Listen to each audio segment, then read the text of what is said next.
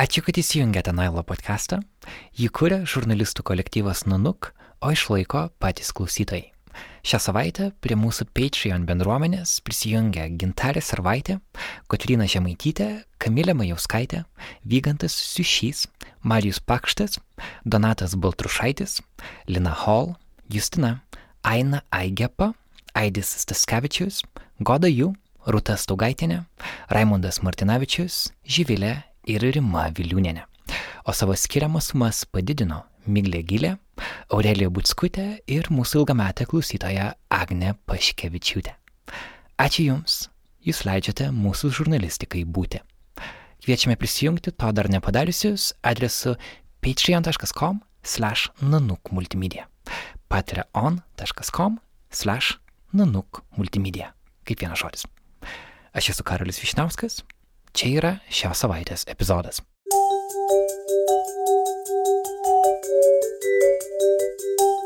Aš nesakiau niekada, kad Lietuva neturi užsienio politikos. Aš sakau, kad jai trūksta nuoseklumo ir ilgalaikės vizijos.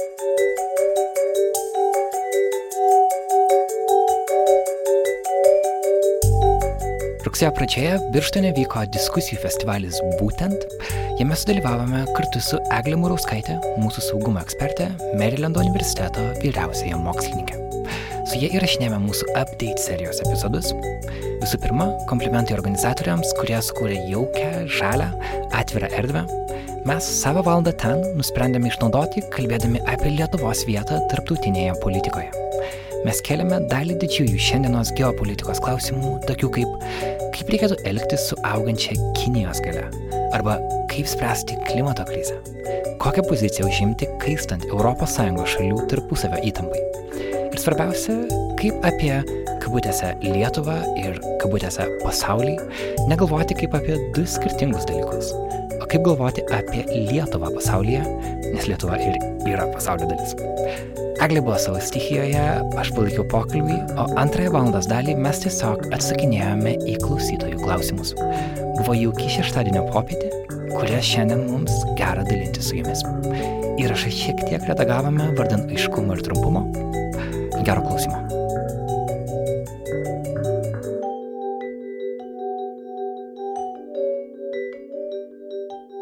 Tai sveiki visi, ačiū už jūsų laiką ir dėmesį iš anksto, tikiuosi, kad nenuvilsime.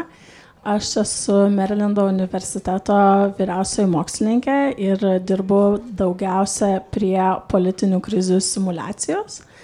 Taip pat e, dabar esu asocijuota Vilniaus politikos analizės instituto vyriausioji bendradarbė ir džiaugiuosi būdama Nanu komandos narė. Ko aš norėčiau šitą diskusiją, tai atsigręžti į Lietuvos užsienio politiką, nes iš tikrųjų kontekstinis e, matymas e, Lietuvos pasaulyje ir lyginimas su kitom, ką kitos šalis daro šitais dėlis klausimais yra, kas man skauda šiuo metu, nes aš nelabai matau tos ilgalaikės tvarios krypties. Tai manau, kad e, mes tuos klausimus liesime sistemingai, tiesiog žiūrėdami ir lygindami. Aha, ir mes norėjome atsispirti nuo didžiausios naujienos galbūt Lietuvos užsienio politikoje yra tai, kad mes turim naują prezidentą, kuris užduoda tam tikrą naują kryptį.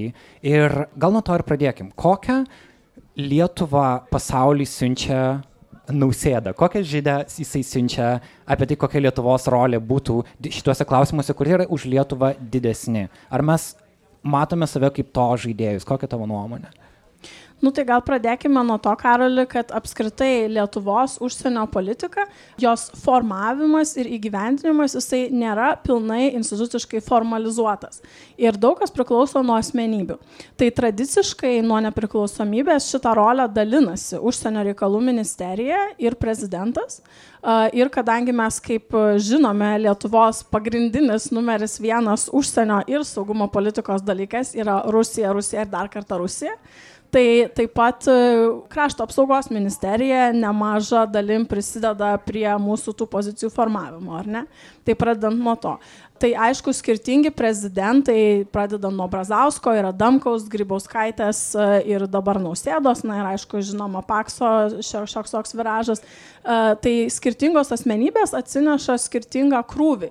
Kiek nori prezidentūra formuoti tą užsienio politiką, kiek jie turi savo viziją ar kažkokią, pavadinkime, savo iššių, kur, kuri jiems būtent rūpi ir kiek jie nori palikti laisvės uh, užsienio reikalų ministerijai ir kitoms institucijoms to užsiimti. Tai man atrodo, kad Lietuva dabar jau kokius gerus dešimt metų vykdo, nu daug maž testinę užsienio politiką. Taip, Ukraina pakeitė daugą, kad mes atsibūdome saugumo srityje, bet tai daugiau gal buvo, e, na, juntama namų fronte Ir aišku, Lietuva visą laiką kalbėjo pasauliu apie tai, apie Rusijos grėsmę, tai toks buvo šiek tiek vindikacija tos, ar ne? Bet šiaip ta užsienio politika buvo testinė, jau gerus dešimt metų, kaip Rusija prioritetas ar ne, Amerika pirmas prioritetas, tada NATO partneriai, Europos integracija, na, tiek, kiek mums tai yra finansiškai naudinga. Ir ateinant, aš labai atidžiai sekiau šitų e, prezidento rinkimų kandidatų pasisakymus pagrindinių ir labai laukiau kokios nors naujos vizijos, bet kaip jau ir kalbėjome iš ties prieš rinkiminėje diskusijoje Nanuk, kad tos naujos vizijos iš esmės nebuvo, nei iš vienos pusės. Visi kandidatai siūlė daugiau to paties, gal su kažkokiais atspalviais. Man taip pat buvo labai įdomu, galbūt, galbūt užsienio reikalų ministerija e, paslapčia ruošia naują kokią nors reviziją, galbūt vyksta kokios nors konsultacijos, pasitarimai, e, svarstymai, kaip mes tą politiką galėtume keisti. Nes tikrai ir klimato iššūkiai, ir na, geopolitinė situacija stipriai pasikeitė per šitus dešimt metų. Kiek žinau, nevyksta tai. Tai iš prezidento Nausėdos, e, kai jau jisai perėmė vairą, aš taip pat kažkokių naujų krypčių labai nematau dėje.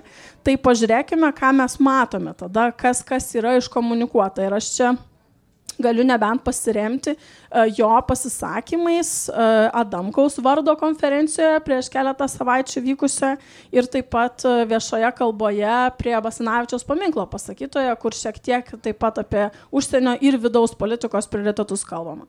Tai apie, apie Rusijos grėsmės akcentavimą mes girdime tą pačią nuseklę liniją bet kaimynams tiek vakaruose, Europoje, tiek Amerikoje jau gal šiek tiek ir baigia pabosti ta pati daina, kaip pavyzdžiui, man labai patiko Vaidoto Urbelio neseniai refleksijos Facebook puslapyje, kad ypatingai amerikiečiams, na, jiems nusibosta girdėti, kai mes jums papasakosim, kokia čia realybė, jie nori girdėti, ką mes siūlom daryti, o kažkokių radikaliai naujų sprendimų mes kaip ir nesiūlom, ar ne? Eurointegracija, taip pat mes girdime iš prezidento Nausėdos, kad norim jos tik tiek, kiek tai palanku mūsų saugumui. Ir kažkaip Lietuvoje vis dar daugiau tas matoma, kad NATO yra pagrindinis, pavadinkime, arklys, o ES tai yra daugiau paramos instrumentas ir, ir sakykime, gal tas NATO sparno stiprintojas. Tai nebūtinai taip yra realiai, finansiškai ar instituciškai, bet naratyvo forma, kaip apie tai kalbama, dažniausiai nušviečiama yra taip. Tai sakykime dabar, kai Europa nu labai stipriai persvarsto, kiek mes norėtume tos integracijos, kai mes matome e, tokius viražus ir iš Prancūzijos, ir iš Vokietijos, Lietuvoje mes vis dar taip pat važiuojame tą pačią sėkmingą kryptim, biškiuką integracijos duokit mums ir pinigų pridėkit ir, ir viskas bus gerai. Nu ir tada mes, jeigu žiūrime toliau į prezidento pasisakymą, tai vis dar išlieka užsienio politika labai stipriai orientuota į saugumą ir konkrečiai karinį saugumą. Tai jeigu mes žiūrėtume kitas šalis Europos, tai nėra taip. Yra saugumas jau daug, daug plačiau suvokiamas, irgi dar aptarsime nusekliau, bet pas mus kol kas reiškia tokia kryptis. Ir, sakykime, apie kaimynus, ką aš dirbdama ratuose tarptautinio planavimo, gynybos ir šiek tiek kalbėdama su kitais užsienio politikos ekspertais, aš vis dar girdžiu, nu vienas dalykas, kad Baltijos šalis yra grupuojamos ir apskritai regionas, sakykime, su Lenkija, galbūt ir su Skandinavija, yra didelė nuostaba, žvelgiant iš tolo, iš Amerikos, iš Vokietijos, Prancūzijos į šitą pusę Nu kaip pas jūs nėra regioninio bendradarbiavimo? Nu ką reiškia, jūs nekoordinuojat karinių įsigijimų? Nu ką reiškia, kad jūs nesusitarė dėl vieningos pozicijos? Tai kiek ten jūsų yra, kur jūs ten? Tai mes matome, sakykime, norą prezidento Nausėdos stiprinti regioninį bendradarbiavimą, kas savaime turbūt yra sveikintina, bet jau tada aš pasigendu kritiškesnio požiūrio, kaip sako, vis, vis neįtiks, ar ne?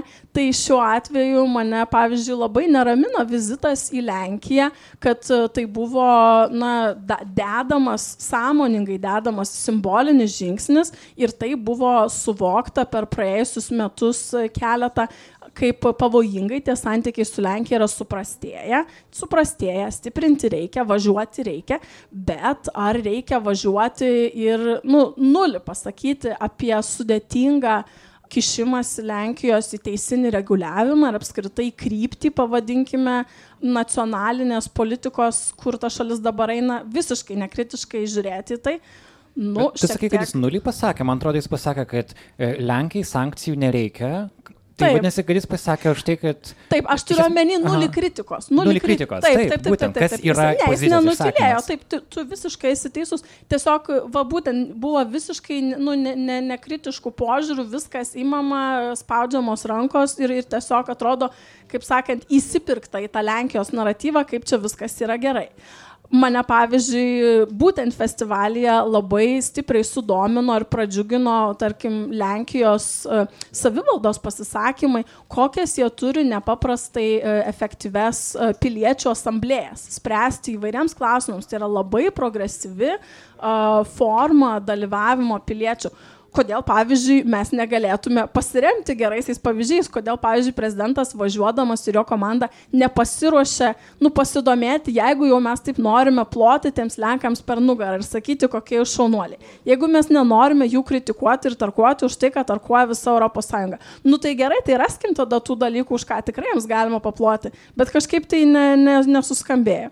Nu ir, ir panaši situacija iš tikrųjų yra gal su Estija, kad irgi buvo nuvykta vizito ir džiaugiamasi džiaugiamasi lietuvių diaspora, ten gyvenama ir, ir mesgami ryšiai, ir su verslu, ir sustinkama labai viskas šaunu ir puiku, bet kažkaip vieningos kažkokios pozicijos Lenkija, Lietuva, tai atsiprašau, Estija, Lietuva ir Latvija, nu neprieina. Ir, ir girdime vos ne kelioms dienoms praėjus nuo to vizito, kad, sakykime, Astravo klausimų nepritarė kitos Baltijos šalis, Lietuvos pozicijai, nu tiesiog nepalaiko tai vėlgi, nu, man tai atrodo kaip neišnaudotas tas susitikimas, jeigu mes norime iš tikrųjų stiprinti regionį bendradarbiavimą, o ne tik tai kurti jo iliuziją, nu, tai reikėtų kažkaip šiek tiek kitaip prie tų klausimų prieiti. Tai tiek apžvelgiant vizitus, kalbas ir, ir trumpai tiesiog, kur mes dabar esame, mes esame daug mažiau pokytyje, negu man asmeniškai norėtųsi matyti. Kalbant apie šalį, kuri vis daro didesnę įtaką visam pasaulio tvarkai ir Lietuvoje atrodo, kad mes neturim kažkokios pozicijos jos klausimų, tai yra Kinija. Jeigu mes apie Rusijos visą minkštąją galę, atrodo tikrai galim džiaugtis, kad mes esam tarsi Rusiją perpratę. Visų pirma, daug, daug žmonių moka rusų kalbą, yra kažkoks giluminis pažinimas rusų kultūros iš principo. Maždaug mes žinom, ką jūs iš tikro darot, mes perpratę šitą schemą. Kada eina su Kinija klausimas, čia atrodo yra visiškai tuščia erdvė. Tiek dėl kultūrinių skirtumų, dėl kalbinių skirtumų. Ir, tarkim, neseniai LRT publikavo tokį didelį Rebaltica žurnalistikos tyrimų centro finansuotą tyrimą, kuriame Baltijos šalių, visų trijų Baltijos šalių žurnalistai kalbėjo apie Kinijos minkštąją galę Latvijoje, Estijoje ir Kinijoje, apie tai, kad pavyzdžiui tokios vietos kaip Konfucijaus institutas turi, kaip tas straipsnis teigia, kad jie turi užsleptą prokinišką agendą, kuris sako, kad tarkim Tibeto klausimas neturėtų būti sprendžiamas. Tas pats Dalai Lama, pavyzdžiui, paskutinis kartas, kai jis susitiko su Lietuvos prezidentu, buvo 2013 metais. Nausėda, paklaustas dar kandidatavimo metu, jisai pasakė, kad jis nesusitiktų su Dalai Lama, nes sako, aš susitinku su politikais, o ne su religiniais lyderiais. Ir dar jis taip pat pasakė, cituoju, žvelgiu į darbą su Kinija atviromis akimis. Tai atrodo, kad jeigu Rusija yra kritikuojama, nes jinai yra autoritarinė, nes jinai e, veldžiasi į kitas teritorijas, Kinija, kuri šiuo atveju irgi turi, na, ji yra valdoma komunistų partijos, tarsi viskas, kas prieš ką Lietuva eina su Kinija, truputį jau kitaip galioja. Kokios tos pozicijos reikėtų laikytis tada ir kaip tu manai, ar Lietuva turi poziciją Kinijos klausimu? Gal jau ją seniai reikėjo turėti? Na, kad seniai reikėjo turėti, tai taip, man atrodo, kad mes kuo toliau, tuo labiau atsidurėme situacijai, kai mes neformuodami sąmoningai kažkokios tai pozicijos nuoseklios, mes atsidurėme pozicijoje e, su sprendimais, kuriuos mes priimam po vieną, po vieną ir vėlgi manęs ta pozicija visiškai nedžiugina. Tai aš nelabai suprantu, ką prezidentas Nausėda turi omenyje, sakydamas apie atviras akis, ar tai yra atvirumas bet kam, ką Kinija siūlys, ar tai yra bandymas sakyti, kad jisai permato toliau Kinijos politinių viražų, ko, dėl ko aš esu šiek tiek skeptiška, e, turint omenyje jo stiprų išreiškiamą palaikymą įvairioms investicijoms, ypač regioninėms e, ateinančiams iš Kinijos. Taip, Kinijos, pavadinkime, problema neatsirado nei vakar, nei pernai. Ir, sakykime, vėlgi, čia norėčiau susijęti su Lietuvos e, tradicinė užsienio politikos kryptimi apie Rusiją. Tai visą laiką, kai lietuviai, diplomatai, verslininkai ir kiti ateina pas Ameriką kažkokią formą ir sako Rusija, Rusija, Rusija, Amerika sako Kinija, Kinija, Kinija.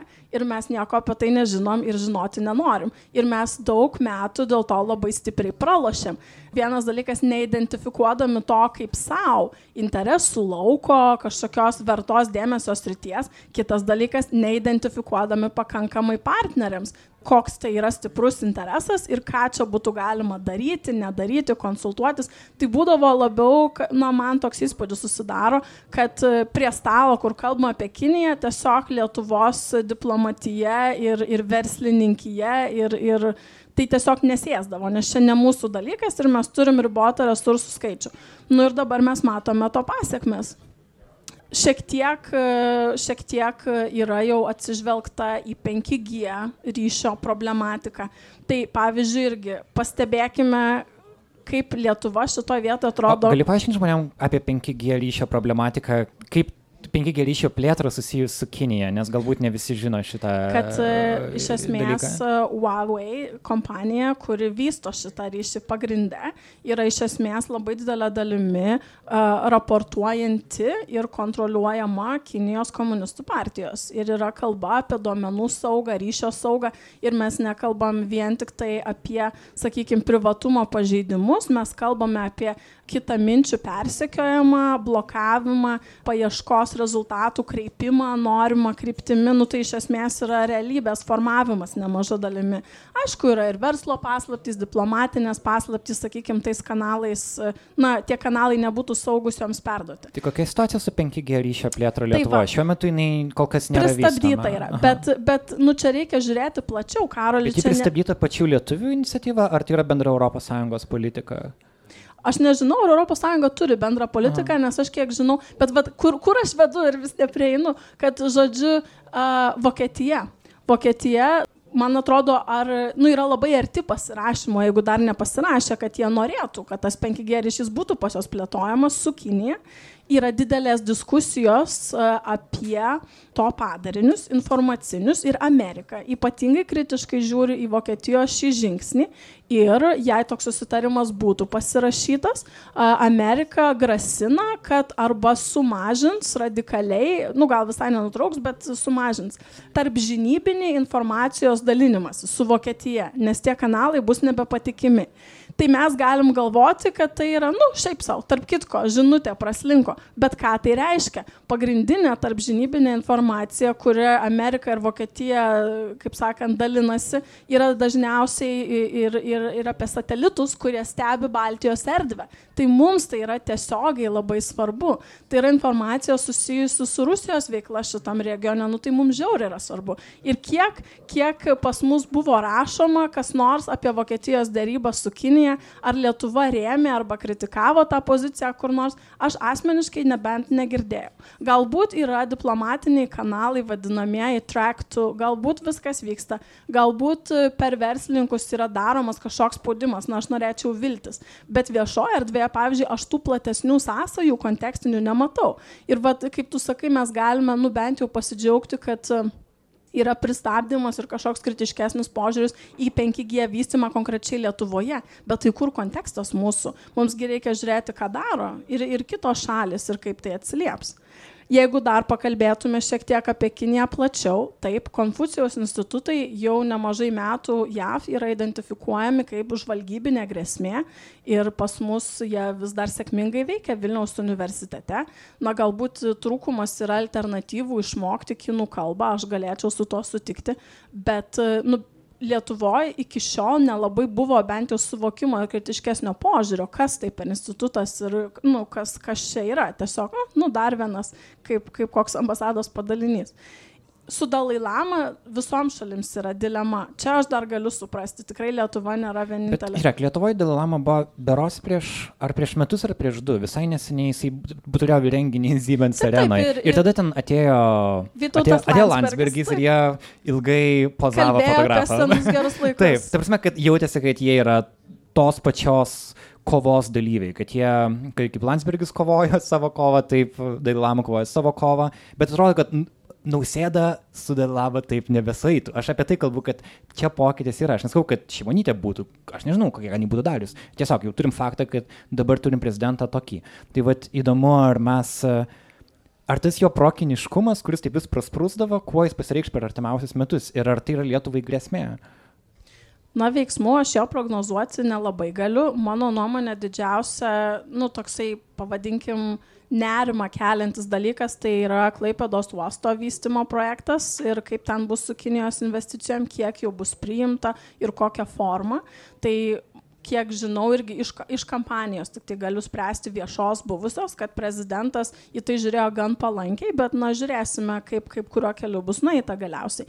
Bet vėl mūsų diskusija ir šiaip šitas pokalbis yra apie ilgalaikiškumą ir plataus konteksto trūkumą Lietuvos užsienio politikoje. Tai vad pažiūrėkim vėl, ar ne? E, mes su Dalai Lama daug metų kažkas susitikdavo. Mes jį kviesdavom ir jisai, nu pavadinkim, kaip tu sakai, su Landsbergiu panašių minčių, panašaus kalibro žmonės, laisvė šaukliai, ar ne? Laisvė šaukliai mums labai patinka. Vienas demo. Kitas demo, mes žiūrime į Hongkongą, ar ne? Ir dabar vyksta protestai uh, jau keletą savaičių dėl to, kad, uh, reiškia, naujo įstatymo potvarkio būdu Kinija mėgina padidinti savo autoritetą, suimti žmonės Hongkongo teritorijoje, kurie pažeidinėja Kinijos įstatymus. Tai tas vėlgi ir disidentams, ir, ir užsienio įvairioms kampanijoms kvepia labai neskaniai. Mes labai džiaugiamės matydami, kad Hongkongas kimbasi rankomis kaip Baltijos kelias ir, ir pas mus kelias ir pas juos kelias valio. Bet Bet kai ateina minėjimo data ir susirenka tada jau po Baltijos kelio Lietuvoje, susirenka kita protestuotojų grupė Lietuvoje palaikyti Hongkongą konkrečiai. Ir pribėga Kinijos ambasados atstovai ir pradeda juos užgaulioti tiek verbaliai, tiek fiziškai. Policijai pagalba neskuba, didelio kažkokio susidomėjimo ir palaikymo iš pilietinės visuomenės ar žiniasklaidos šitas renginys nesulaukia ir viskas baigėsi Emanuelio Zingerio protesto raštu. Tai man atrodo, tai yra taip juokingai mažai. Tai jeigu mes tikrai jau tokie laisvės šaukliai ir mes norime save pozicionuoti, kaip mes vat mėgstame ar ne, kad rytų kaiminystė, tai čia mes padėsim Ukrainai, mes padėsim Baltarusijai ar ne, daug metų palaikydavome e, opoziciją iš, iš, sakykime, rytų kaiminių labai įvairių, tiek finansiškai, tiek politiškai, tiek padėdami su mokymais kažkokiais ar žurnalistų ar ne. Ar, nu, tai kodėl mes neturime to nuoseklumo politikoje? Tai jeigu mes laisvę šaukliai, nu tai šaukim tada už Hongkongą. Kodėl mes su Kinė einam? Jeigu jau tokie šaukliai, nu tai palaikykim Palestiną arba kitas, sakykim, demokratinius judėjimus vidurio rytuose. Jeigu jau mes pasimam kažkokias vertybės ir tikrai norim už jas stovėti, nu tai gal pamėginkime nuosekliai ir ilgalaikiškai tą ir plėtoti. Agle, o galbūt yra taip, kad nėra taip, kad mes einam su Kinija. Gal mes neinam nei su Hongkongu, nei su Kinija. Ir tai yra didesnis klausimas, apie ką šis pokalbis yra. Tai, kad mums galbūt smagu matyti, kai kažkas Hongkongė atkreipia dėmesį į lietuvišką pavyzdį, bet galbūt mūsų visuomeniai iš principo atrodo, kad jeigu mes ir kažką darysim, tai niekam nerūpės kad tarkim, perkeliant į kitą temą, į klimato klausimus, lyginant su tuo klimato aktyvizmu, kuris yra, pavyzdžiui, Švedijoje, kur, žinai, pavyzdžiui, Greta Thunberg, kuri tapo tokia nauja šauklė klimato judėjimo, ji yra yra paaugliai iš Švedijos. Švedija techniškai yra didesnė šalis už Lietuvą, bet ji nėra tiek didesnė globalių mastų. Uh, jeigu tu pažiūri tuos Fridays for Future protestus, Lietuvoje juos susirenka nedaug, daugia, nedaug, eksperų, nedaug žmonių, didelė dalis iš jų yra užsieniečiai, tai netapo kažkokio masinio judėjimo reiškinio. Ir nėra taip, kad Lietuvos neliestų klimato klausimai. Pavyzdžiui, nesiniai Junktinės karalystės organizacijos Green Match paskelbti duomenys sakė, kad Lietuva yra labiausiai iš ES šalių labiausiai paveikta klimato kaitos. Ten labiausiai buvo sėtas tuo, kad Baltijos jūros pakilo temperatūra ir pakilo bendras lygis, bet apskritai aš nemanau, kad Lietuvo žmonėms tas nerūpi iš principo. Aš manau, kad gal niekam netrodo svarbu, kad kažkas Vilniui susitiks ir su protesto kažkokiais ženklais, kad tai niekam nerūpės. Ir galima su visais padiskutuoti žmonėms apie tai, ar, ar nėra taip, kad atrodo, kad tas kažkoks mažos šalies sindromas, kaip kažkada buvo buvęs, buvusi iškaba Vilniaus oro uoste su užrašu iš Lietuvos į pasaulį, kad mes tą mentalitetą kažkaip jis yra įskiepytas ir reikia iš, iš, išrauti iš visuomenės, kad Lietuva yra pasaulis ir tu gali palaikyti Hongkongo protestuotas ir tai rūpės. Taip, aš manau, kad e, dabar su tokiu didžiuliu socialiniu medijų pasiekiamumu daugybė idėjų, ypatingai jeigu jos yra pateikiamos e, dvikalbių būdų, sakykime, ar lietuvių anglų, ar lietuvių rusų, nu jos tikrai greitai paplinta ir galų gale ir vizualas, kažkokios efektyvios kampanijos, nu jos turi poveikį. Bet e, pakalbėkim tada apie klimato kaitą ir, ir pakalbėkim apie tą mažos šalies jausmą. Tai apskritai taip mane tai pavyzdžiui labai nemaloniai nustebino gegužės mėnesį matymas, kad Lietuva ir Lenkija buvo paskutinės dvi išsilaikę ES šalis, kurios beje turi abi dvi labiausiai užterštus Europoje miestus. Ne tik tai, kaip to studijoje tu mini Lietuva, bet Lenkija, taip pat Gdanskas, man atrodo, yra tragiškoje padėtyje. O kuris Lietuvos yra užterštus miestas? E, ap apskritai, kad Ai, bendrai, miestų užterštumas aha, okay. bendras yra labai didelis. Ir Baltijos jūra yra viena labiausiai užterštų, jeigu ne pati labiausiai užteršta ir pas mus, reiškia, su šita turima situacija mes nematome masinių protestų, tarsi, tarsi ne Lietuvo žmonės to oro kvepuotų, ar ne?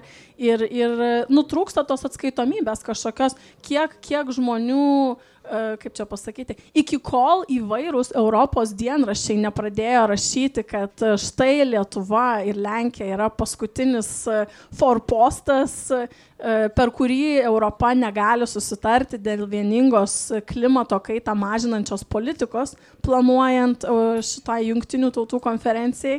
Tai iki tol, man atrodo, mes net nežinojome, kad Lietuvos išrinkti Europarlamentą žmonės laikosi tokios pozicijos. Tai sakykime, man atrodo, kad e, nuosekliai panašios pozicijos laikomasi ilgą laiką. Turbūt motivuojant verslo interesais, aš taip galėčiau spėti iš Lietuvos pusės ir parama Lenkijai, pavadinkime, mums politiškai pigioje ir nu, vidaus politikai mažai svarbioje uh, išių, kaip klimatas, ar ne? Mes galvojam tiesiog, ai, niekam čia nerūpi, nu tai va, pabalsuosim su Lenkais, laimėsim jų pritarimą. Tai labai gaila iš tikrųjų ir, ir čia jokių būdų e, mano kritikos strėlės, nu, negali jos lėkti vien tik tai į, į ar užsienio reikalų ministeriją, ar, ar sakykime, apskritai politinį aparatą. Jeigu iš tavęs nereikalauja, nu tai tu ir nedarysi, ar ne?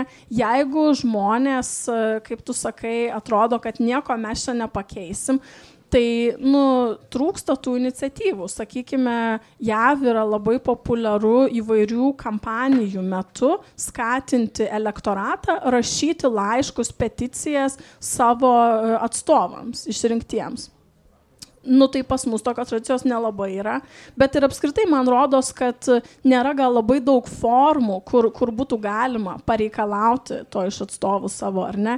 Susitikimai su rinkėjais dažniausiai yra tokie gana formalūs, ten vos nesusaldainių pamėtymais ir vaikų paglostimais, bet tokios rimtesnės diskusijos, kai žmogus jau yra išrenkamas kažkur atstovauti, ar, ar į savivaldybę, ar į Europarlamentą, ar į parlamentą E, kad, nu tai kokia ta tavo pozicija, ar ne, ir ką mes norėtume matyti, nu trūksta to kažkokio. Bet, e, nu irgi pagalvokime, beveik visos politinės realijos Lietuvoje galiausiai atsiriamia kažkodėl į socioekonominius klausimus. Ir, ir jeigu mes panalizuotume šiek tiek kampanijas žmonių, kurie kandidatuoja į postus, ar, ar sakykime, apskritai, kokie yra prioritetai formuojami savivaldų, tiesiog, vad, kas yra komunikuojama, tai viskas yra apie tai. Darželiai, mokyklos, sveikatos apsauga, pensijos pašalpos, ar ne? Tarsi žmonės patys nematytų ilgalaikės perspektyvos ir nu, atsisakytų kartu dalyvauti, kuriant kažkokį ilgalaikį produktą. Tarsi, tarsi, nežinau, tas oras, žemė ir, ir Lietuvos padėtis, sakykime, Europoje politinė, tarsi tai būtų per daug, tarsi tai būtų per daug žmogui apriepti. Tai jeigu negali kandidatas su tvirta platforma gamtosaugos eiti į rinkimus Lietuvoje, tai kaip tada mes galime reikalauti tų, kurie jau atėjo, kad jie turėtų tokią platformą, jeigu, na, iš vietos, iš žmonių, iš rinkėjų to palaikymo nėra. Tai man atrodo, kad tikrai reiškia tas balsas ir nėra nei tas žmogus tyruose, nei ta Lietuva maža valstybė. Lietuva taip pat balsuoja įvairiose forumuose, dalyvauja, skaitosi ir, nu, man atrodo, mes kaip piliečiai turėtume daug labiau pareikalauti atskaitomybės iš savo atstovų, jeigu mes norime džiaugtis tuo, kaip Lietuva atrodo kitų žmonių akise. Čia dar tą monologą, nu jau visai užbaigiant, man atrodo, kad šiek tiek yra ir, ir pavadinkim, medijų galbūt prisitaikymas prie to naratyvo tipinio užsienio politikos, kad viskas apie Rusiją, ar ne? Pavyzdžiui, kai tenka dalyvauti dideliuose tarptautiniuose renginiuose, nu įsivaizduokime, vyksta konferencija, susitikimas, ar ne? Ir Lietuvos atstovai dalyvauja ir sakykim, kad apsvarstoma yra 20 klausimų, ar ne, ir iš kurių vienas Rusija, tai bus visi straipsniai apie tai ir fotografijos, ką Lietuva pasiekė ten su, su Rusijos to klausimu, rankų pakratymai ir taip toliau. O kas buvo dėrėtas į kitų šalių, apskritai, nu, kur tas susitikimo, kur gairės esmin, esminės dažnai ir prasprūsta. Tai man atrodo, kad va toks, va čia, nu, e, žiniasklaidos ir užsienio politikos aparato kažkoks, tai, nu, ar koluzija, ar konformizmas tam tikras, dažnai neleidžia piliečiui pamatyti, kur Lietuva pralošia. Nes mes esam savo pasisakę oficialiai, va šitas yra svarbu, nu tai apie šitą mes paraportuojam ir pažiūrim, kiek progreso. O kas vyksta apskritai, kontekstas ir kad mes ten nieko nedarom, tai paprastam piliečiui, kuris gal neturi laiko ar, ar gebėjimų, įdomu pasidomėti pats, nu sunku susidaryti tą įspūdį, tai kaip ta Lietuva atrodo.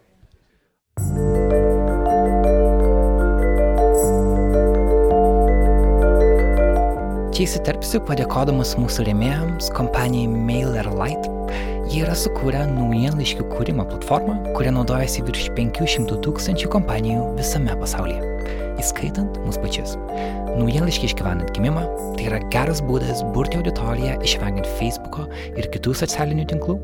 MailerLite turi paprastą vartotojo sąsają, duoda išsame statistiką, kiek žmonių tavo naujienlaiškiai atidarė ir svarbu tai, kad ši platforma veikia nemokamai iki pirmo tūkstančio gavėjų mailerlight.com, ten viską galite išbandyti patys. O mes esame dėkingi MailerLight komandai, kad jie nuo pat pradžių palaiko Nailo podcastą ir apskritai lietuviško podcasto buvimo idėją. Grįžtame į Birštoną, čia metas klausytojų klausimams. Okay. Um, darbė yra kelios vietos priekinėse eilėse, jeigu ką, iš stovinčių žmonių ten. Um, mes Taigi mes apkalbėjom Kiniją, mes kalbėjom klimato krizės klausimus, uh, taip pat apskritai Lietuvos būklę plačiau. Galbūt yra komentarų arba klausimų iš to, ką, ką kalbėjom dabar, galbūt kažko nesutinkat. Yra tenai viena ranka, galim mikrofoną žmogui? Aha, ir čia ir prieki taip pat viena yra. Sakykite, šaudrius, iš karto pristatau, esu iš Telijos, dėl to e, sureaguosiu dėl Huawei. E, šiek tiek norėjau klausimą Egliai e, duoti, ar Nemanot visgi, kad Huawei tema yra labiau um, politikos, o ne technologijų ir saugumo dalis, nu, muitų karo, ekonominio karo? Nes e, tiesiog gal čia pirmą klausimą, paskui pasakysiu pastabą. Kaip, Man atrodo, kad visa tai turėtų būti integruota. Aš ko pasigendu Lietuvos užsienio politikoje, kad tai viskas yra segmentuota, ar ne? Yra mūsų verslo interesai. Nors, sakykime, kažkiek pasikalbam, kur mes galėtume bendradarbiauti, galbūt kažkiek remia užsienio reikalų ministerija per įvairius tenais uh, net, networkingus ar ne, padėti verslui kažkur eiti. Tada yra namų kažkokie klausimai, va šiti socioekonominiai, visos pensijos, gerbuvis ir taip toliau. Ir tada yra užsienio politika. Ir šitas trikampis Lietuvoje, nu jis niekada nesusijungia. Bet e, mes, jeigu norime turėti ilgalaikę nuseklę politiką, nu tas yra būtina. Mes nelabai galime kalbėti apie tai, kas būtų palanku politiškai Lietuvai, ar susitikti su Dalai Lama, ar vykti vizito į Kiniją ir tuo pat metu negalvoti apie Lietuvos, nežinau, pieno eksportą į Kiniją, apie Huawei negalvoti, negalvoti apie uostą ir tada dar turėti atskirus dalykus kaip aplinkosauga Lietuvoje. Ar ar ne? Nes, pavyzdžiui, Kinija labai nemažai daro šitų klausimų. Tai jūsų klausimas buvo, ar tai neturėtų būti vien tik politikos dalykas, ar vien tik technologijų? Ne, gal šiek tiek patikslinsiu. Kalba, kalbant apie apskritai galbūt globaliau šiek tiek Amerikos ir e, Kinijos santykius, tarp kurių yra Huawei e, tema, kuri yra traktuojama tik tai kaip saugumo tema. E, to saugumo, apie kurį mes kalbam, kas tai yra telekomunikacijų saugumas. E, čia galbūt nėra tiek žiūrint iš technologinės pusės, galbūt, nežinau, dažnai šitoj temai trūksta elementaraus suvokimo, kaip veikia mobiliai tinklai, kaip jie yra sukonstruoti, kokios jų dedamosios dalis ir kaip tas Huawei ir kur jis yra. Tai tarkim, čia galbūt irgi gal šiek tiek yra trūkumo.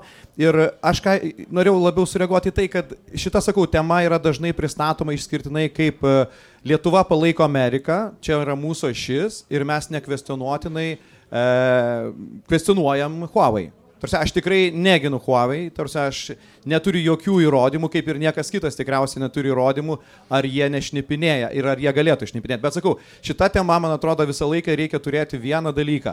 Tai yra būtent tą technologinį komponentą, suvokimą, kaip veikia ir kur tas Huawei yra.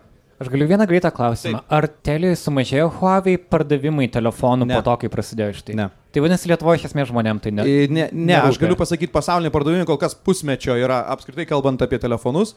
Uh, Samsung ir Huawei yra vieninteliai, kurie didino pardavimus telefonų. Tai uh, galbūt tai šiek tiek pasijaus trečiam ketvirtį tas e, benas, bet vėlgi vėl, vertinant pačios Amerikos poziciją, kai kalbama apie technologinį saugumą ir dar 90 dienų pratesiamos visos garantijos, kai Trumpas ten daro jų turnus vienu atveju, sakydamas, kad jisai pasiruošęs kalbėti, kitu atveju jau nebekalbės prieš kelias dienas pareiškė dėl Huawei. Tai sakau, mano klausimas yra toks labiau, ar Huawei apskritai nėra tiek technologinė, kiek geopolitinė tema. Tai tarkim, kaip svertas naudojant tarp šitų dviejų galybių pasaulio. Dėkui, dėkui. Tai jeigu galėčiau dar trumpai sureaguoti, tada man atrodo, kad Huawei, kur yra pagrindė kritikuojama, tai iš tikrųjų nėra netgi mobiliųjų telefonų pardavimai. Kiek mano žiniomis e, matau kritiką jų, tai yra apie serverius ir apie uh, transliuojančias visokias stoteles. Tai, taip, taip, taip. Tai reiškia, tai nėra ta technologija, su kuria nu, žmonės kažkiek, aišku, interaktina ir su tuo telefonu, bet tai yra daugiau, nu, tokie didžiuliai sisteminiai įsigijimai, infrastruktūros dalykai, tai čia yra kritika. Ir be abejo, be abejo, tai yra labai stipriai politizuota, kad Amerika palaiko vieną pusę, nu, kaip jūs teisingai sakote, e, kartais neapsisprendžia, kokią jie pusę palaiko, bet, e, nu, šitoj vietoje apie Lietuvą kalbant, tai galim pasidžiaugti, kad, e, nu, aš nematau, kad tai būtų vienareikšmiškas Amerikos palaikymas va šitoj vietoj. Lietuva, man atrodo, tokia labiau neapsisprendusi. Bet e, mane, kas kaip minėjau, gal liūdina, kad vat nėra to suvokimo, kaip siejasi Huawei, kitos Kinijos investicijos su bendra Kinijos politika Europoje, ką mes, pažiūrėjau, labai stipriai pamatėme pietų Europoje, Italijoje, Graikijoje ar ne, prie ko tos investicijos privedė. Ir, ir mes tuos klausimus kažkaip pat ir narstom taip dėžutėse, ar ne? Mes nematome to didesnio paveikslo. Tai labai ačiū už jūsų komentarą ir, ir manau, kad yra mums kur pasitempti. Uh,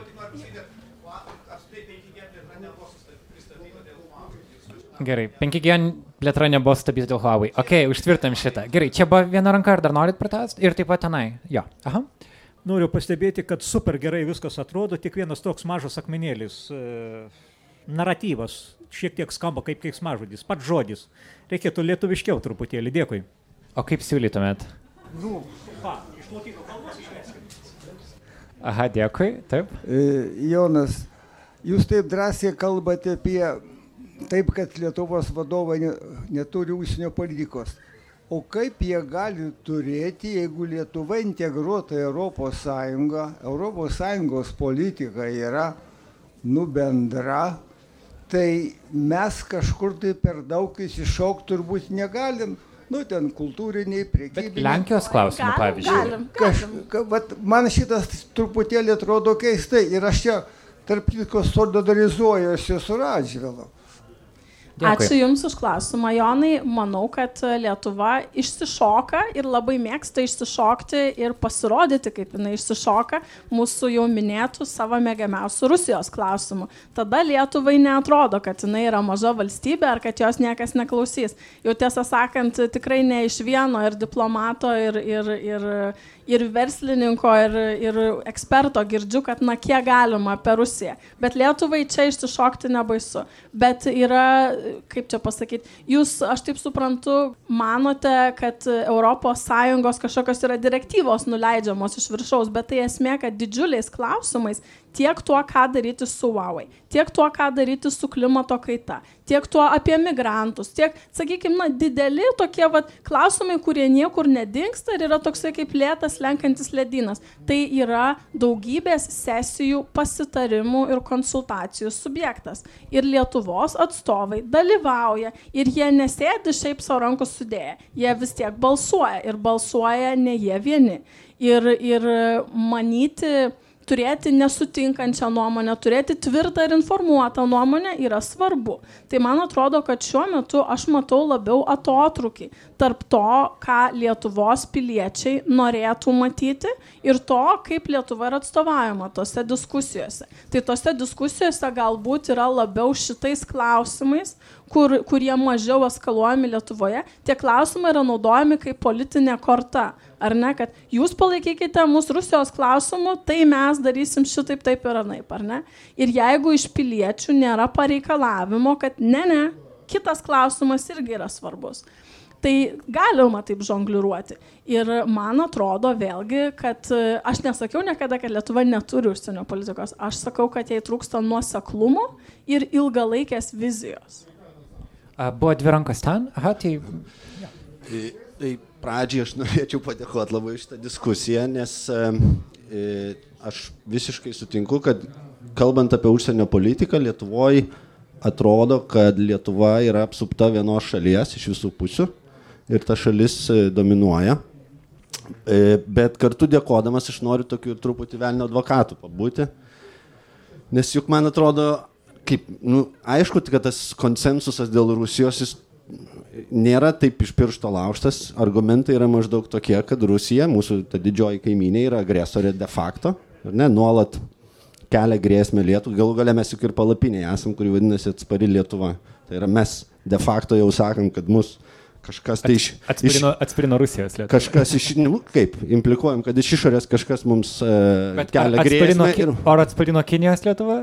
Ne, taip, e, Kinija galbūt, žinai, toliau ir, ir jos tą grėsmę dar reikia įrodyti, bet aš tiesiog bandau pasakyti, būdamas be abejo velnio advokatu, kad e, de facto mes turim grėsmę, grėsmę ir pavojų ir tada jau, žinai, kare kaip kare, tu mobilizuoji visus resursus į, į tą betarpiškiausią pavojų ir aišku, kad tada nebelieka jėgų, čia ne tai, kad mes nenorim domėtis Kinija. Tai vad man įdomu, ką, ką atsakytumėt. Ir antrą labai trumpą irgi klausimą kur man labai įdomu.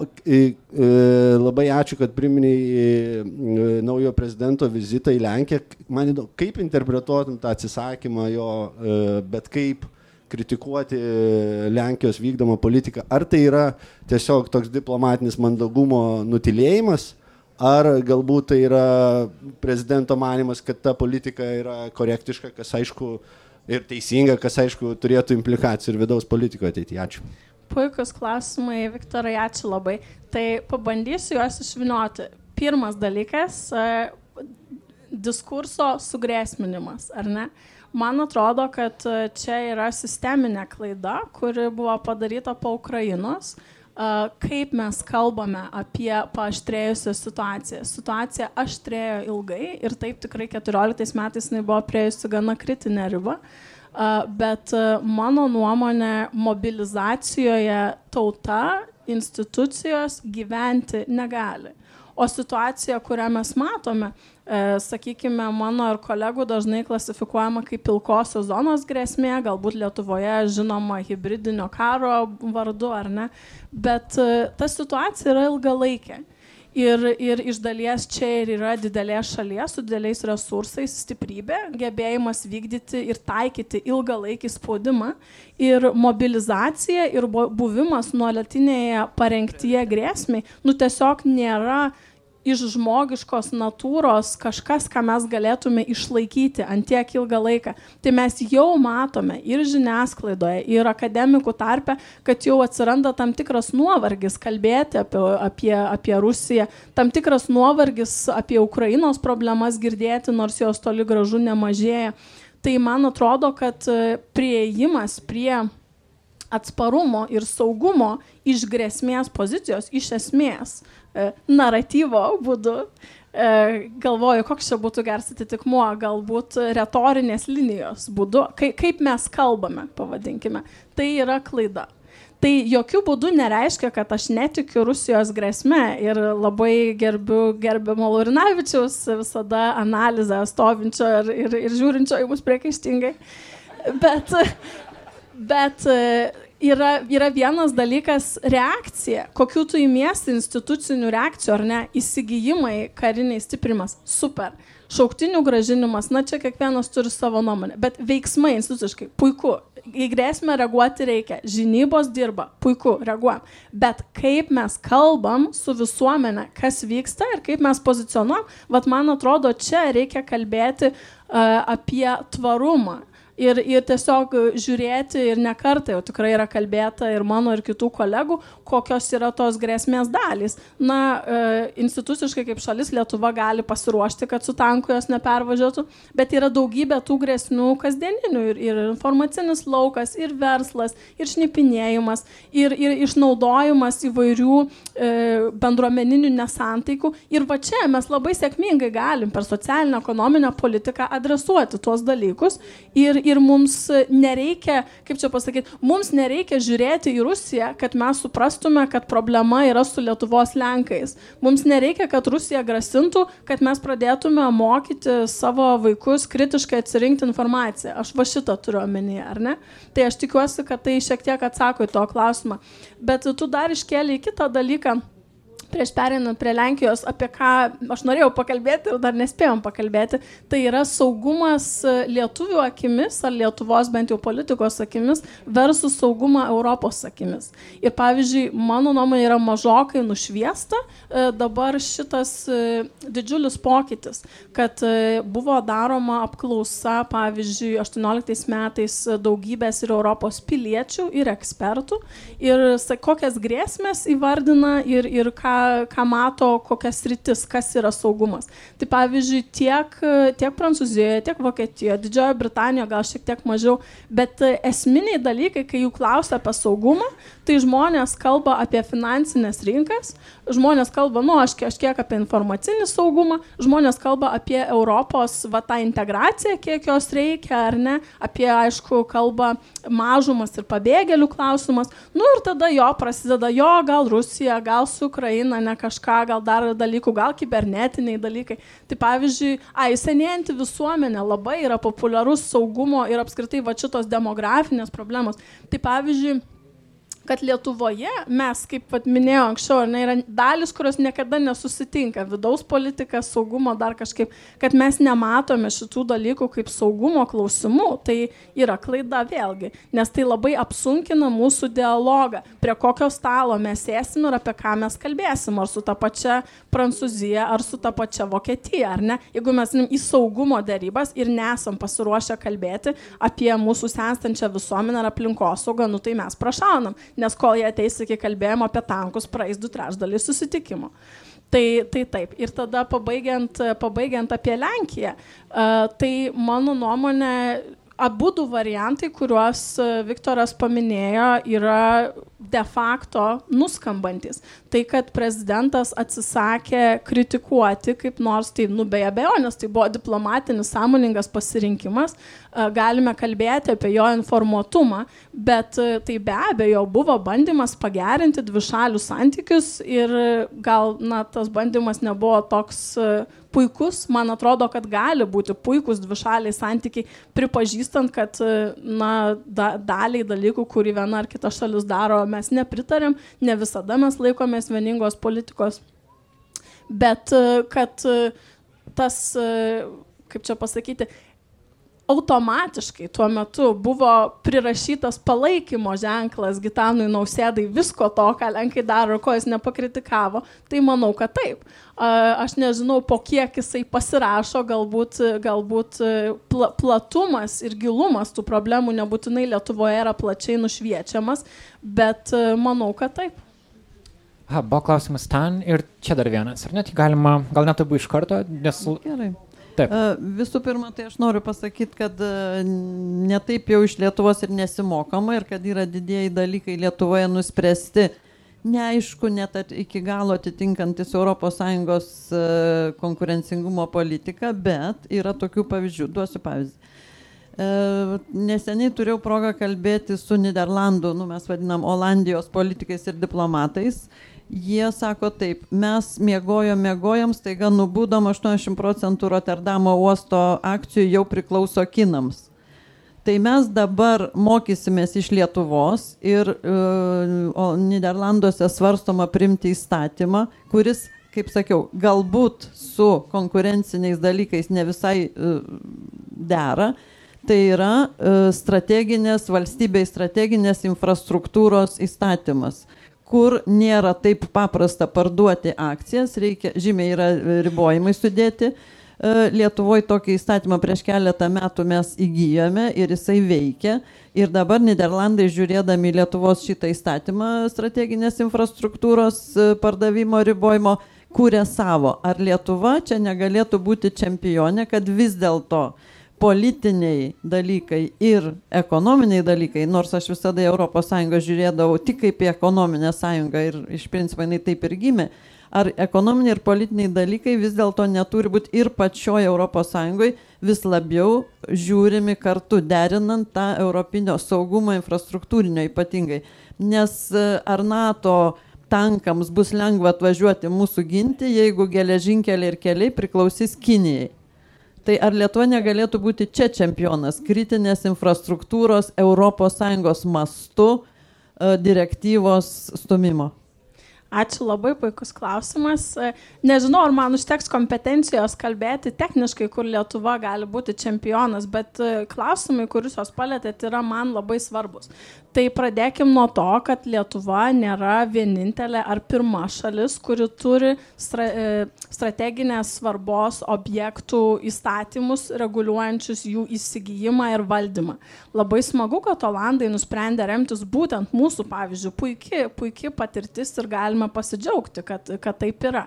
Bet Lietuva tikrai nėra, kaip čia pasakyti, aš gal čempionė jos šitoj, nu, nebūtinai vadinčiau vien dėl to, kad tai nebūtinai yra mūsų idėja, kad tai buvo sėkmingai gyvendinta, tai yra puiku.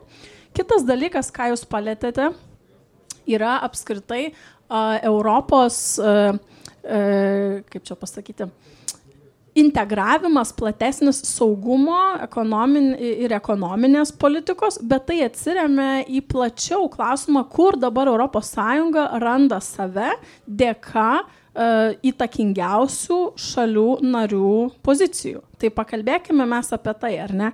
Taip visiškai yra ES e, čia sritis, e, ne vien tik tai, kaip lengva bus tankams atvažiuoti ar, ar, ar atsiųsti pagalbą geležinkeliu priklausomai nuo to, ką jis valdo. Elementariai, jeigu tiltų pločiai skiriasi, bėgiai nesuderinami yra, tai tokie vat infrastruktūros klausimai labai apsunkina sąjungininkų pagalbą. Šitoj vietoje ES jau imasi diskusijų, bet mes nematome dabar, noro didesniai Europos integracijai, apetito labiau diskutuoti apie šius klausimus kartu. ką aš matau, tai kad e, pavadinkime tie trys galios, tos trys galios kolonos, reiškia e, Prancūzija, Vokietija ir Junktinė karalystė, dabartinės geopolitinės padėties e, pasiekoje kiekvienas tempia paklodę į savo pusę ir vis mažiau norima apie dalykus kalbėti ES lygiu. Yra labai sunku susitarti su šitiek šalių narių, interesai skiriasi, interesų grupės palaikančios vieną ar kitą poziciją gal nėra pakankamai plačios, bet mes matome tada vis daugiau dvi šalių iniciatyvų šalia. Tiek saugumo klausimais, uh, reiškia, to šalis tarpusavyje veda dėrybas, Vokietija su Prancūzija, Vokietija su Junktinė karalystė, ar ne, su savo kažkokiais sąjungininkais atvirkščiai, Vokietija su Lietuva, uh, Prancūzija su Estija. Ir, ir ekonominė prasme mes taip pat matome vis daugiau to formato pasikeitimo, kad tai nebėra ES lygių kažkokios diskusijos. Toks jausmas, kad dabar ES lyg, lygmenį meniui yra e, deklaruojami klausimai, kurie laikomi mažiau svarbus. Nes atrodo, kad yra nubeprotiškai sunku susitarti, jeigu ir nesusitarsim, tai nieko tokio. O kas, kas yra labai labai svarbu ir, ir, ir tikrai rūpi, ar iš finansinės pusės, ar iš saugumo pusės, yra deramas paraleliai arba dvišalių formatu, arba keliašalių, multilateral formatu. Ir Lietuva, vėlgi, mano didžiam apgailestavimui, netiek jau daug tų, tų dėrybų dalyvauja. Tai mes, aišku, irgi galime galvoti, ką mes turėtume daryti, kiek mes turėtume išvystyti daugiau kompetencijų, kaip aš kalbėjau anksčiau, ar ne, kad e, mes galėtume dalyvauti tose darybose, kad mes turėtume informuotą poziciją. Ir nes priešingų atveju tai mes rizikuojame pasilikti kaip tokios, nu pavadinkim, nominalios Europos infrastruktūros fanai, mojuojantys žvaigždėtą vėliavėlę, nes mes galvojam, kad mums tai atneš dar šiek tiek subsidijų ir dar šiek tiek saugumo, bet e, realiai ta infrastruktūra tuštėja, nes realus pokalbis vyksta ten, kur mes šiuo metu neinam. Gerai, mes turim tris minutės, tam buvo klausimas, ar dar yra vienas čia... Um, Jo, galim tada nuo jūsų, pra... aš atsiprašau, vis jūsų klausimą į pabaigą dutimpi. Galima abu iš karto užduoti. Aha. Kadangi kalbame apie politiką be vizijos e, ir galbūt reikėtų kalbėti apskritai apie politiką, kad šiandien e, ji yra šiek tiek praradusi savo prasme Lietuvoje. Ir, ir, ir trūksta labai naujų, naujų profesionalių politikos dalyvių e, ir, ir kažkaip norisi ir vienas iš politi at, pagrindinių politikos atspir, dabartinių atspirties taškų yra ekonomika, no, ekonominė nauda. Ir kad taip sutrumpinti klausimą, tiesiog kaip, kaip auginti iš tikrųjų naujus politikus ir, ir kaip sugražinti tikrąją prasme e, politikos, nes dabar yra labai suekonomizuota, o kaip žinome, demokratijos prasme yra uh, laimingas miestas. Ką jūs turite minį sakydama į, į ekonomizuotą, kad, kad tai yra tik pinigų, tik pinigų paskirstimas? Ad, dominuojantis politikos atspirties taškas Lietuvoje yra ekonominė nauda. Jeigu atneša pinigų, vadinasi gerai. Kaip, kaip auginti naują, naują kartą Tvarka. politikų ir sugražinti Aha. politikos prasme. Dėkui. Ir iš karto galima klausimą ten žmogui, kurį aš vis, vis padėdavau antrą eilę, atsiprašau už tai. Nu, mano jau klausimai gal, nežinau, pasikeitė penkis kartus. Bet aš pratęsiu gal dėl klimato kaitos temos, man atrodo, čia irgi labai svarbu, dėl to, kad mes labai dažnai šnekam apie klimato kaitą, apie gretą, apie, nu, sakykime, yra ir tų uh, greenpeace'inių radikalų, kurie kartais labai straightforward šneka, bet iš esmės, jeigu imant tą Sustainable Development Goals, ten United uh, Nations Agenda ir taip toliau miestų darbo atvarkės, turi miestų, tai yra pats principinis modelis tvaraus ir darnaus uh, vystimosi, tai yra tvari ekonomika, tvari visuomenė ir aplinkosauga. Ir tai yra va, būtent politinis klausimas, uh, Lietuvos, į kurią pusę mes temsim tą maždaug uh, tą diagramą. Ar į ekonominę pusę, ar į aplinkosaugos, ar, ar į visuomenės. Tobulų atveju tai yra, ta prasme, balansas, bet iš tikrųjų man, politikoje aš pats pasigendu asmeniškai. Tai yra ir šitie dalykai betarpiškai susiję su erdvė, su teritorija, kur tai įsigyvendina. Mes iš viso apie tai nešnekam. Tai yra tam tikrai, pavyzdžiui, kuriama Lietuvoje urbanistinė politika, kuri šiais metais irgi jau patvirtinta aplinkos ministro įsakymų. Ir tokie dalykai, jie taip toli atrodo nutolę nuo, sakykime, kad ir užsienio politikos ir taip toliau, o, o šiaip jeigu žiūri į Žemę iš kosmoso, tai ten tų sienų nėra, bet, nu, tai tiesiog toksai. Dėkui. Aha. Ačiū, manau, kad e, bus e, baigiamasis komentaras, bandant e, apjungti ir atsakyti jūsų iškeltas problemas, kurios iš tikrųjų yra labai aktualios. Ir taip, ką, ką kalbate apie, pavadinkim, vizijos trūkumą Lietuvos politikoje aš pati dažnai taip jogdama vadinu, kad tokia entreprenorių valstybė, kur sėkmė yra matuojama, kaip sekasi tavo startuoliui, jeigu tu startuolio dar neturi, tai iš viso kas tu blogai. Dar nedaug dievė, jeigu tu esi koks nors vyresnis, neįgalus, gyveni ne mieste, o dar jeigu ne pilietis, nu tai iš viso, ką tu čia veiki, dar mes atstovauti tave turėtume, tu baigit juokus.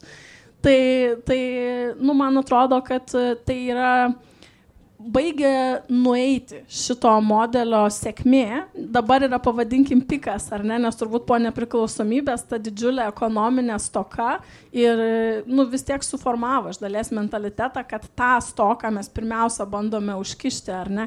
Ir kai vis daugiau žmonių nebegyvena baisaus skurdo sąlygom, man atrodo, apie yra nemaža dalis Lietuvoje vis dar žemiau skurdo ribos, bet jinai mažėja ta dalis.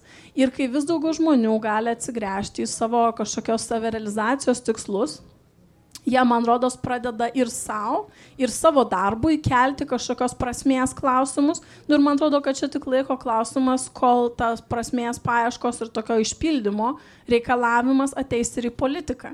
Kad gausim mes tą rinkėją ir kandidatą, iš kurio mes norėsim daugiau atskaitomybės ir didesnio identifikavimo. Tai man atrodo, kad tie procesai jau yra iš dalies užsisukę, bet tai yra labai ilgalaikiški dalykai. Ir, sakykime, manau, kad tiek tiek atsakas į klimatą, tiek atsakas į, į žmogų vat, yra užkoduoti šitame, šitame dalyke, ar ne? Kur mes, kur mes kreipiam tą kaip, kaip rinkėjo savo ateities viziją, ką mes matom kaip svarbu. Ir mano nuomonė, čia jau tada pradedam kalbėti klausimus, kurie vėlgi, nu, nėra nei tik Lietuvoje, nei apie Lietuvą, bet ir apskritai platus globalūs dalykai. Iššūkiai, su kuriais mes susidurėme, tiek ekonominis gerbuvis, tiek sveikata, tiek aplinkosauga yra globalūs dalykai ir juos galima atsakyti tik globaliai. Tai iš kitos pusės daugybė mažų mikro iššūkių, su kuriais žmogus susiduria kasdien, e, kur tau pavalgyti, kur tavo vaikai mokysis, kokio ar mano gatvė asfaltuota, kur aš gyvenu, ar ne, yra tokie labiau šeimos ir bendruomenės dalykai. Ir aš matau asmeniškai e, vis didesnį atotrukį va to vidurio, ar ne, kur jeigu mes turime šeimą bendruomenę, valstybė ir tada tarptautinis ligmuo, kad va tas valstybės kažkaip demuo, jisai nebeatlaiko tos, tų reikalavimų, kad galėtų sėkmingai išpildyti tą funkciją. Ir aš manau, kad mes tiesiog matysim vis didesnius klausimus sprendžiamus globaliai per įvairias virtualias iniciatyvas, bendruomenės ir tarptautinius veikėjus. Ir galbūt įgalinimą didesnį bendruomenių ir tikriausiai valstybės kaip tokios čia vaidmuo galimai mažės. Bet uh, tai jau yra šiek tiek filosofija ir jau daug daugiau ilgalaikiška, negu mes galime užgriepti šitoje valandoje. Tai turbūt, kad čia ir pabaigime ir labai ačiū visiems už tokius aktyvius ir puikius klausimus ir už jūsų dėmesį.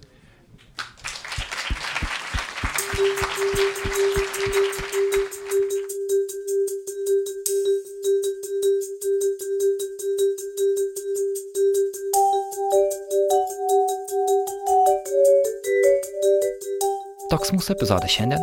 Ačiū būtent festivalio komandai už garso įrašą iš diskusijos, o mano studijinį balsą įrašinėjame nacionalinėje Martino Mašvido bibliotekoje. Čia dirba garso režisierė Aiste Baltraitytė. Jeigu norite išgirsti kitus pokalbius su Eglė Murauskaitė, Marylando universiteto vyriausiojo mokslininkė, Naila archyve paieškokite epizodų, kurie vadinasi Naila Update. Juose mes kalbame apie geopolitiką ir esminius lūžius joje.